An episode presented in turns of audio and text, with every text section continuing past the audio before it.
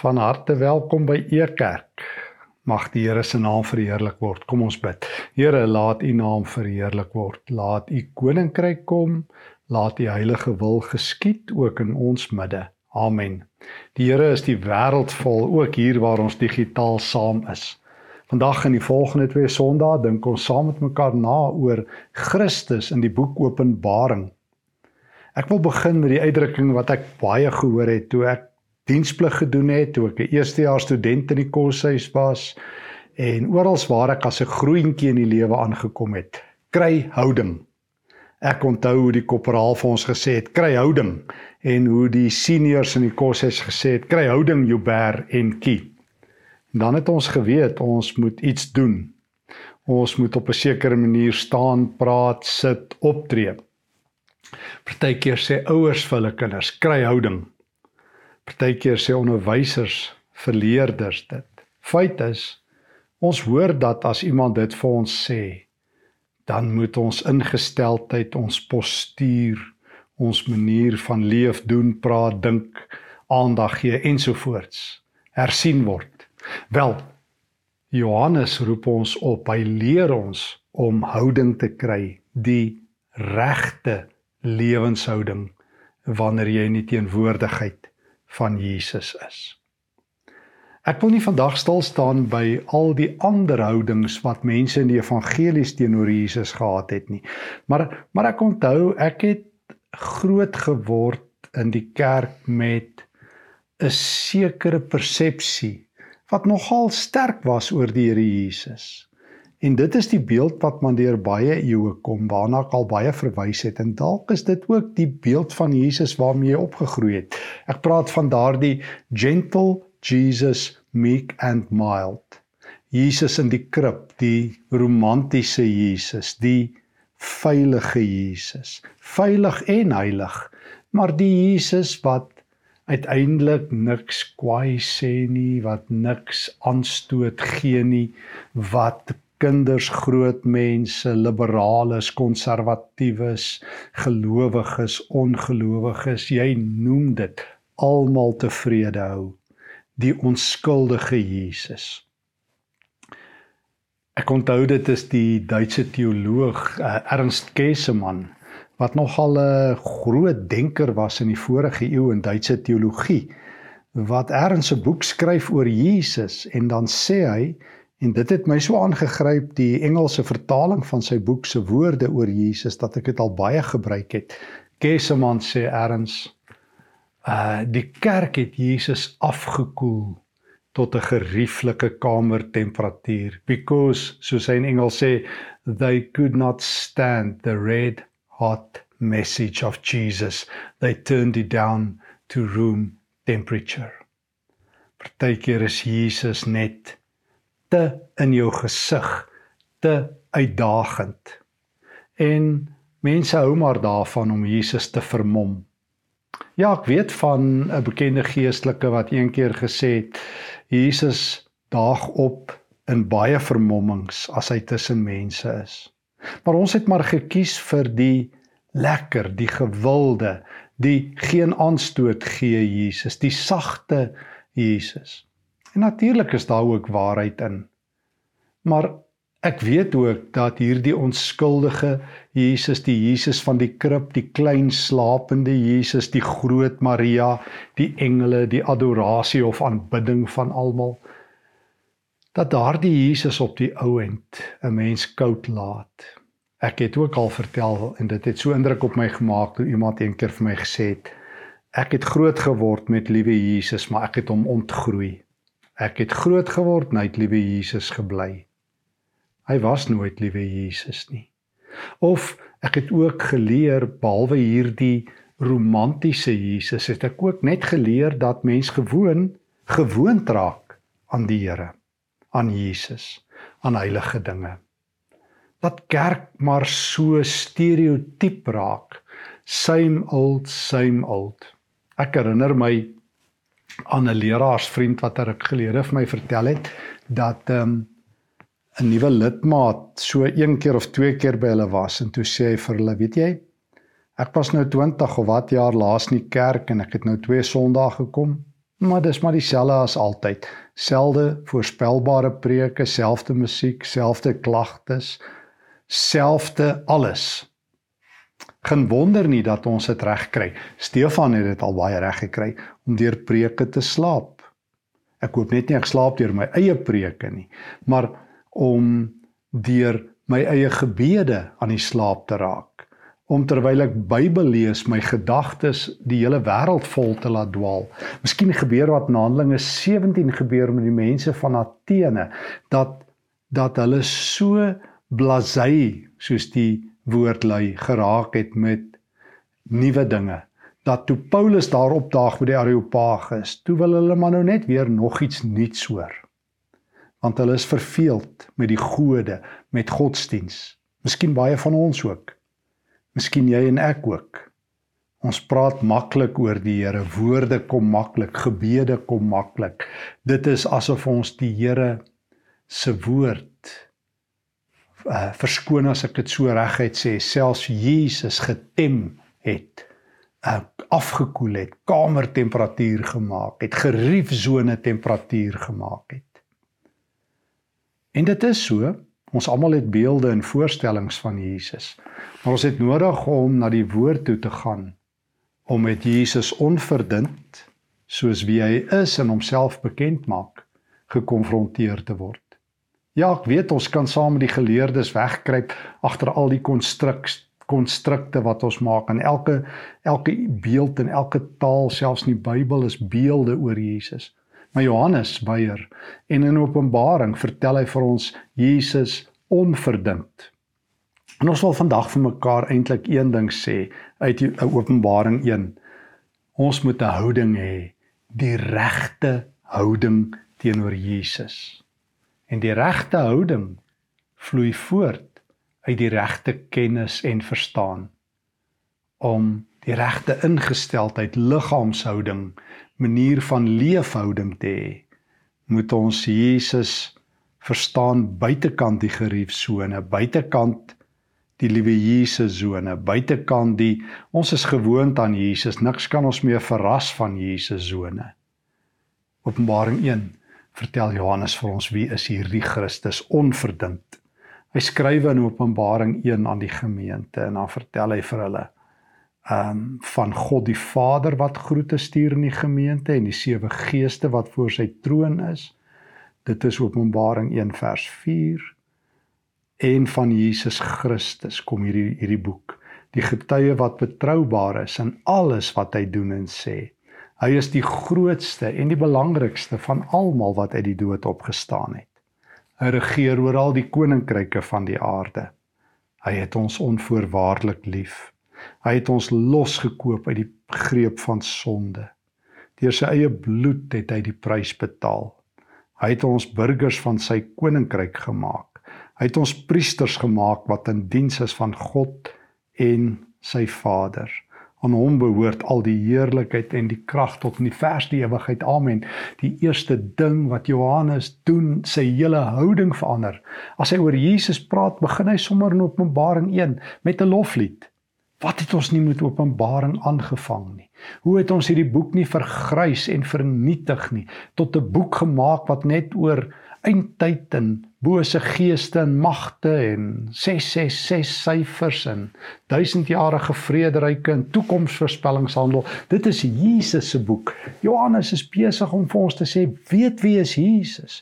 Kyk wie is Jesus soos ons die volgende paar weke saam met mekaar gaan doen. En as jy Jesus ontdek, wie hy waaragtig is, anderkant die vermommings wat die kerk om partykeer mee toegeverf het. Jy en ek om mee toegeverf het. Anderkant ons verveeldheid met Jesus selfs. Wanneer jy Jesus reg ontdek, begin jy soos Johannes in Openbaring 1 deur te sê, hy is die die getuie wat betroubaar is. Hy is die grootste en die belangrikste van almal wat uit die dood opgestaan het. Hy regeer oor die koninkryke van die aarde. Hy het ons onvoorwaardelik lief. Hy het ons losgekoop uit die greep van sonde met sy eie bloed. Hy het ons burgers van 'n nuwe koninkryk gemaak. Hy het ons priesters gemaak. Jy hoor die hele Bybel. Jy hoor waaragtig die hele Bybel in vers 5 tot vers 9 waarby mense woords en warts verbylees. Want Openbaring se Christusbeeld interesseer meeste mense nie. Gee dit net vir die ou eindtyd kenners en dan kan hulle jou vertel hoe die eindtyd is. Maar Johannes sê stop, stop, bedaar. Verander jou houding teenoor Christus. En hier kry ons 'n leidraad. Die eerste is hy oor Jesus vir ons begin vertel wie hy is, die Here van die Here, die Here wat ons gekoop het, die Here wat regeer, die Here wat ons burgers maak. Dan sing hy 'n loflied. Aan hom behoort die heerlikheid en die krag. Dan vertel Johannes verder. Hy vertel vir ons hoe hy op Patmos was as 'n gevangene ter wille van sy geloof. Ek lees verder saam met jou. Openbaring 1 daarvan af vers 10. Op die dag van die Here was ek self in die teenwoordigheid van die Gees. Toe hoor ek 'n harde stem agter my. Dit het geklink soos 'n trompet wat geblaas het. Hy het gesê: "Dit wat jy sien, moet jy opskryf in 'n boek. Stuur dit aan die sewe geloofsgemeenskappe in Efese, Smyrna, Pergamum, Thyatira, Sardes, Philadelphia en Laodicea." Ek het omgedraai om te kyk wie se stem dit is wat ek gehoor het wat met my praat. Nadat ek omgedraai het, het ek sewe goue kandelare gesien. En in die middel van die kandelare het ek iemand gesien. Dit was die seun van die mens. Stop. Stop. Skus as ek moet nee, ek is nie eers moedswillig nie. Ek ek weet meeste mense wat 'n studie daarvan maak om God se name te ken, gebruik eintlik net die Ou Testament. Gebruik eintlik net die name van die Here in die Ou Testament en dis oukei. Okay. Maar wat van die Nuwe Testament vra ek altyd. En ek vra graag vir mense, wat is Jesus se belangrikste selfbekendstellingsnaam van homself? Wat sê hy oor homself? Wat sê hy vir die hoofpriester daar in Markus 14 as die hoofpriester vir hom daar in vers 61 vra? Vra, sê nou vir ons, wie is jy? Is jy die seun van hom wat die heerlikheid besit? Dan sê Jesus, ek is en jy sal die seun van die mens op die wolke sien. Wanneer Petrus daar in Matteus 16 of in Markus 8 bely Jesus is die Christus, dan sê Jesus daar in Markus 8 vers 334: Maar ek is ook die seun van die mens wat my lewe kom aflê. Ek sal doodgemaak word en op die derde dag opstaan. Hy sê dit weer in Markus 9 daarvan in vers 33 af en weer in Markus 10 daar in dieselfde verse bandwyte. Jesus is die seun van die mens. En as Johannes omkyk, weet hy dit is hy. En nou beskryf hy vir Jesus nie die verdunde, afgewaterde ehm um, tradisie uh, deurdrenkte Jesus wat die kerk dikwels maak, 'n romantiese sagte Jesus, 'n Jesus wat onskadelik is en in 'n krippie alleen lê en slaap nie. Hy gaan voort. Hy het 'n lang kleed aangetree. Rondom sy middel was daar 'n goue beld, Openbaring 1:14. Die hare op sy kop was wit. Dit was soos wit wol of so sneeu. Sy oë het helder gebrand soos 'n vuurvlam. Sy voete was soos blink gepoleerde brons wat vuurwarm gemaak is in 'n brandende oond. Sy stem het geklink soos die gedreun van 'n massa water. In sy regterhand het hy sewe sterre vasgehou. Uit sy mond het daar 'n swaard gekom wat aan beide kante skerp gemaak is. Sy gesig het so helder gestraal soos die son wat op sy helderste skyn. Dit is die opgestane Jesus, die Here wat alle mag het in die hemel en op die aarde soos hy gesê het in Matteus 28. Die Here wat van wie die engele uitgeroep het, vandag is daar vir julle in die stad van Dawid gebore, Christus die Here, Lukas 2. Jesus die Here. Hy van wie die Hebreërs skrywer in Hebreërs 1 vers 3 en 4 sê, um, hy het die heerlikheid van God die Vader. Hy straal sy afbeelding uit. Hy weerkaats sy heerlikheid. Hy hou alle dinge in stand deur sy woord. Dit is hy van wie Paulus sê in Kolossense 1 vers 15 tot 20 dat dit hy is wat die hoof is van sy skepping wat sy hele kerk bymekaar hou. Dit is hy van wie Paulus sing wat 'n nuwe naam gekry het vir wie elke naam sal buig in Filippense 2 vers 9 tot 11 Christus die Here. Hy's verskyn as die ewige hoëpriester en as die ewige koning aan sy knegg Johannes. Johannes weet dis Christus. Dis die seun van die mens. Dis die lam van God. Dis die allerheilige Here. Nie Jesus my speelmaat nie. Maria moes dit leer in Openbaring 20, onthou jy? Toe Jesus uit die dood opstaan en sy hom om die lyf wou val, ek is die Here. Ek gaan na my Vader toe. Ek is Christus. Daar's 'n afstand. Ja, ek is naby. Ek is julle Here. Ek gee my lewe. Maar ek is die Here. Dit is ek wat die betroubare getuie is Openbaring 1. Dit is ek wat die dood oorwin het. Christus die Here. En as jy weet wie Jesus kom jy uit jou verveeldheid, uit jou romantiese idee, kom jy uit jou geriefsone wêreld en gebeur daar iets met jou wanneer Christus self vir 'n oomblik deur jou skanse, deur jou idees, deur jou vooropgesette raamwerk breek. Hoor wat gebeur met Johannes en as daar iemand is wat 'n vooropgesette idee moes gehad het, is dit hy. Ek meen, hy was vir 'n klomp jaar saam met Jesus as een van sy binnekring disippels. Hy het die grootste wonderwerke beleef. Hy het hy het daar gestaan by die kruis toe hy gekruisig is. Hy het die opgestane Here gesien, hy het die hemelvaart beleef. Hy moes ehm um, hy moes geweet het. Natuurlik het hy. Maar maar ook nou, ook nou wanneer Christus so aan hom verskyn aan sy knegg gebeur daar iets merkwaardig. Sy houding verander. En dis wat ons vandag eintlik vir mekaar sê, kry 'n nuwe houding voor die Here en jy kry net 'n nuwe houding as Jesus in jou wêreld instap. Onverdund, waaragtig, eg, die woord wat mens geword het, die seun van die mens, die opgestane Here. Hoor wat gebeur met Johannes. Toe ek hom sien, het ek voor sy voete neergeval soos iemand wat dood is. Openbaring 1 vers 16 wanneer jy die lewende God ontdek. Nee, wanneer die lewende God jou ontdek en in jou vasloop, tromp op, gebeur daar altyd een ding. Jy slaan neer. Jy jy jy wil soos Moses wil jy die skoene van jou voete afpluk in Eksodus 3. Wil jy jou verleentheid verberg soos Gideon in Rigters 6. Wil jy soos Jeremia uitroep in Jeremia 1, Here ek is te jonk. Wil jy in Jesaja soos in Jesaja 6 uitskree, Here elke woord op my lippe is onrein. Wil jy soos Petrus in in Lukas 5 voor Jesus neerval en sê gaan weg van my Here ek is 'n sondige mens, jou houding verander. Jesaja, Jeremia, Gideon, Paulus, Petrus, jou houding verander. En as jou houding nog nie verander het nie, is jy te gewoond aan Jesus. Is jy verveeld met Jesus? Het jy hom getem, mak gemaak, kamertemperatuur toe afgekoel? Ehm um, laat hy jou eintlik koud? Maar wanneer jy soos Johannes 'n vlugteling is of gevangene op Patmos wat Jesus al jare ken en jy hom weer 'n keer ontmoet, is dit asof vir die eerste keer dan val jy soos 'n dooie.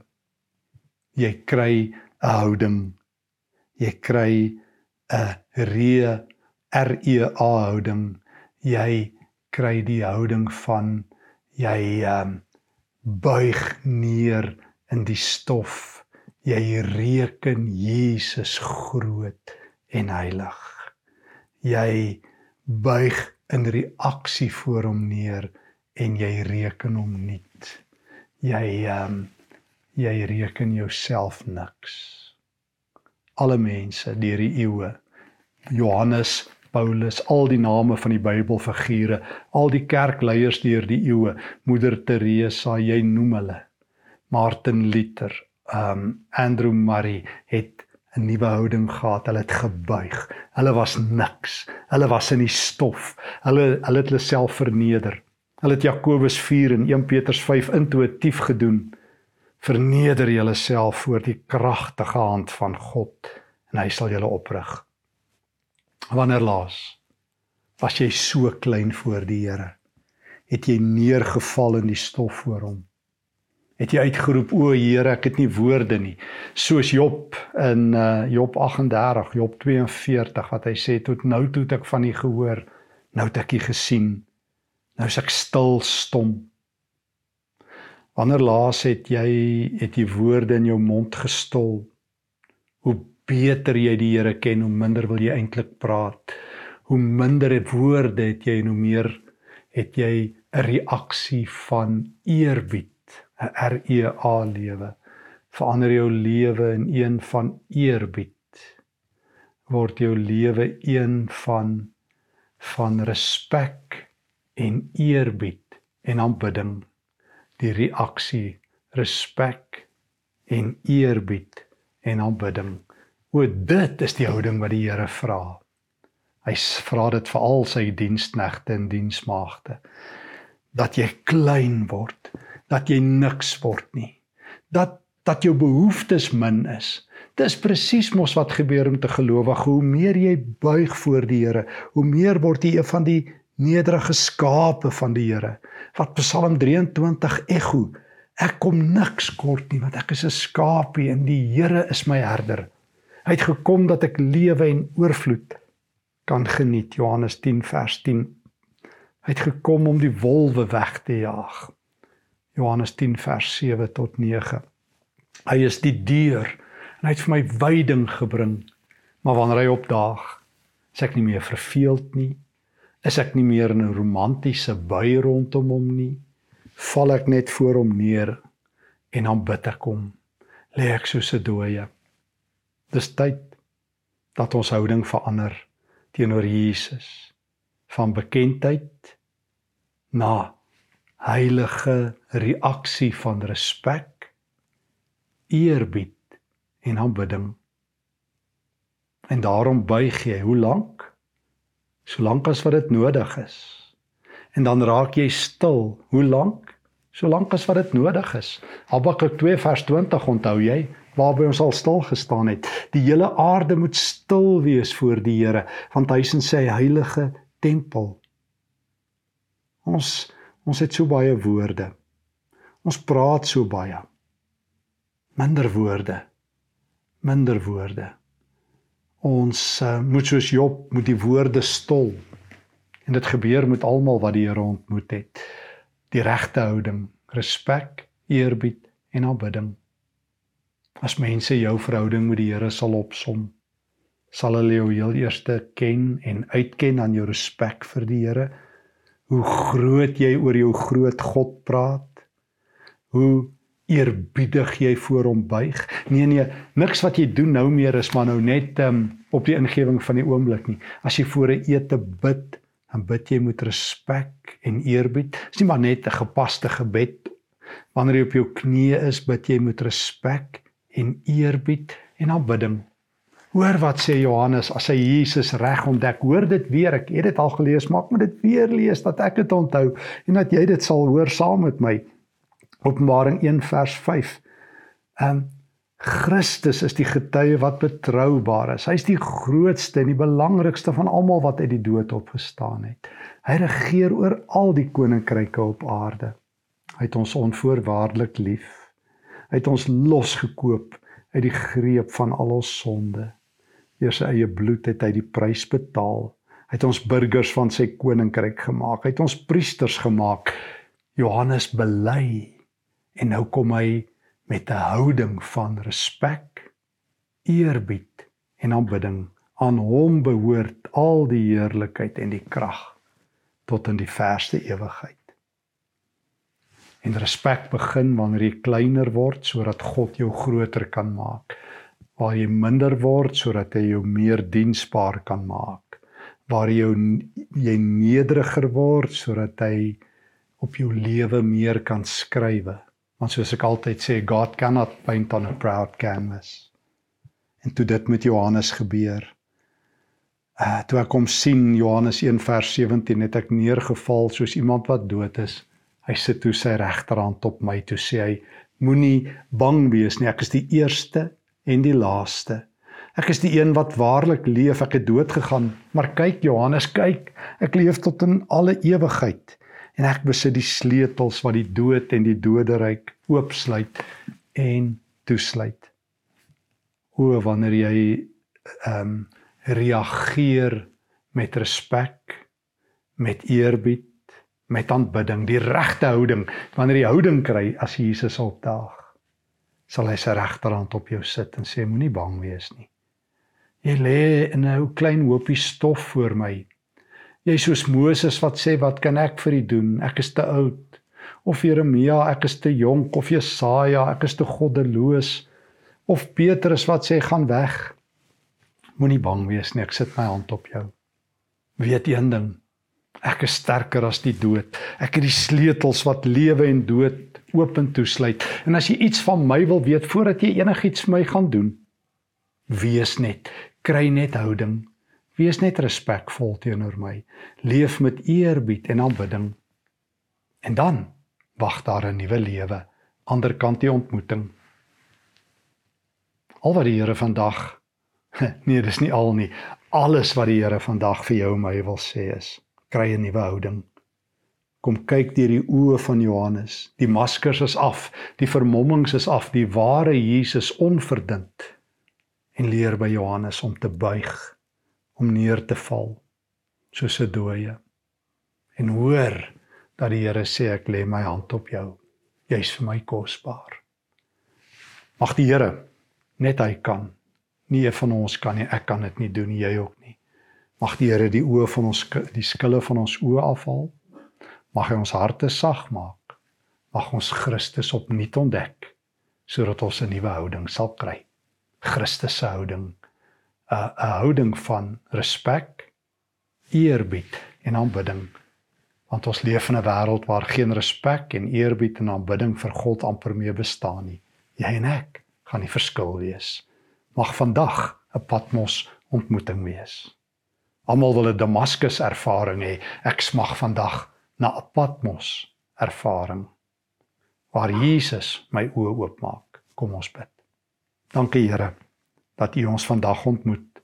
Gee dat dit 'n Patmos ontmoeting sal wees waar ons U sien soos wie U is, die Allerheilige, die Here, die Hoëpriester, die koning van die heelal. Ons val voor U neer, ons buig in aanbidding. Ons wil met respek en eerbied en aanbidding leef. Maak ons oë oop vir U. Verander ons houding. Gee dat ons in hierdie wêreld sal lewe soos mense wat die Here sien. Amen. Wat 'n voorreg om saam te kuier. E kerk, uh, het jy al geleer elke Vrydag Bybelskool. Ehm um, ons het 'n lekker noodbediening wat volspoed aan die gang is. Jy sien die video's. Ons vertrou die Here en ons doen dit inderdaad saam. Uh gee duisende rande na verskillende bedienings weg deur die jaar, meer as 'n sewe syfer bedrag waarvoor ons God vertrou. Ons dank hom daarvoor dat ons kan sy eer. En uh, ons het ook 'n beradingsafdeling. Jy kan skryf aan berading@ekerk.org. Dr. Jaco Pitter doen vir ons berading gratis. E-kerk betaal dit per telefoon en per e-pos. So skryf hom, hy sal sy telefoonnommer vir jou gee en ons sal dit ook beskikbaar stel as jy vir e-kerk skrywe. Ehm um, as jy enige behoefte het aan gesprek van pastorale aard, Dr. Jaco Pitter is graag beskikbaar. So, Stefan, verander jou houding. E-kerk, familie, verander julle houding. Kyk op na Christus, leef met respek met eerbied en aanbidding want hy alleen is dit waardig nou en vir ewig. Vrede vir jou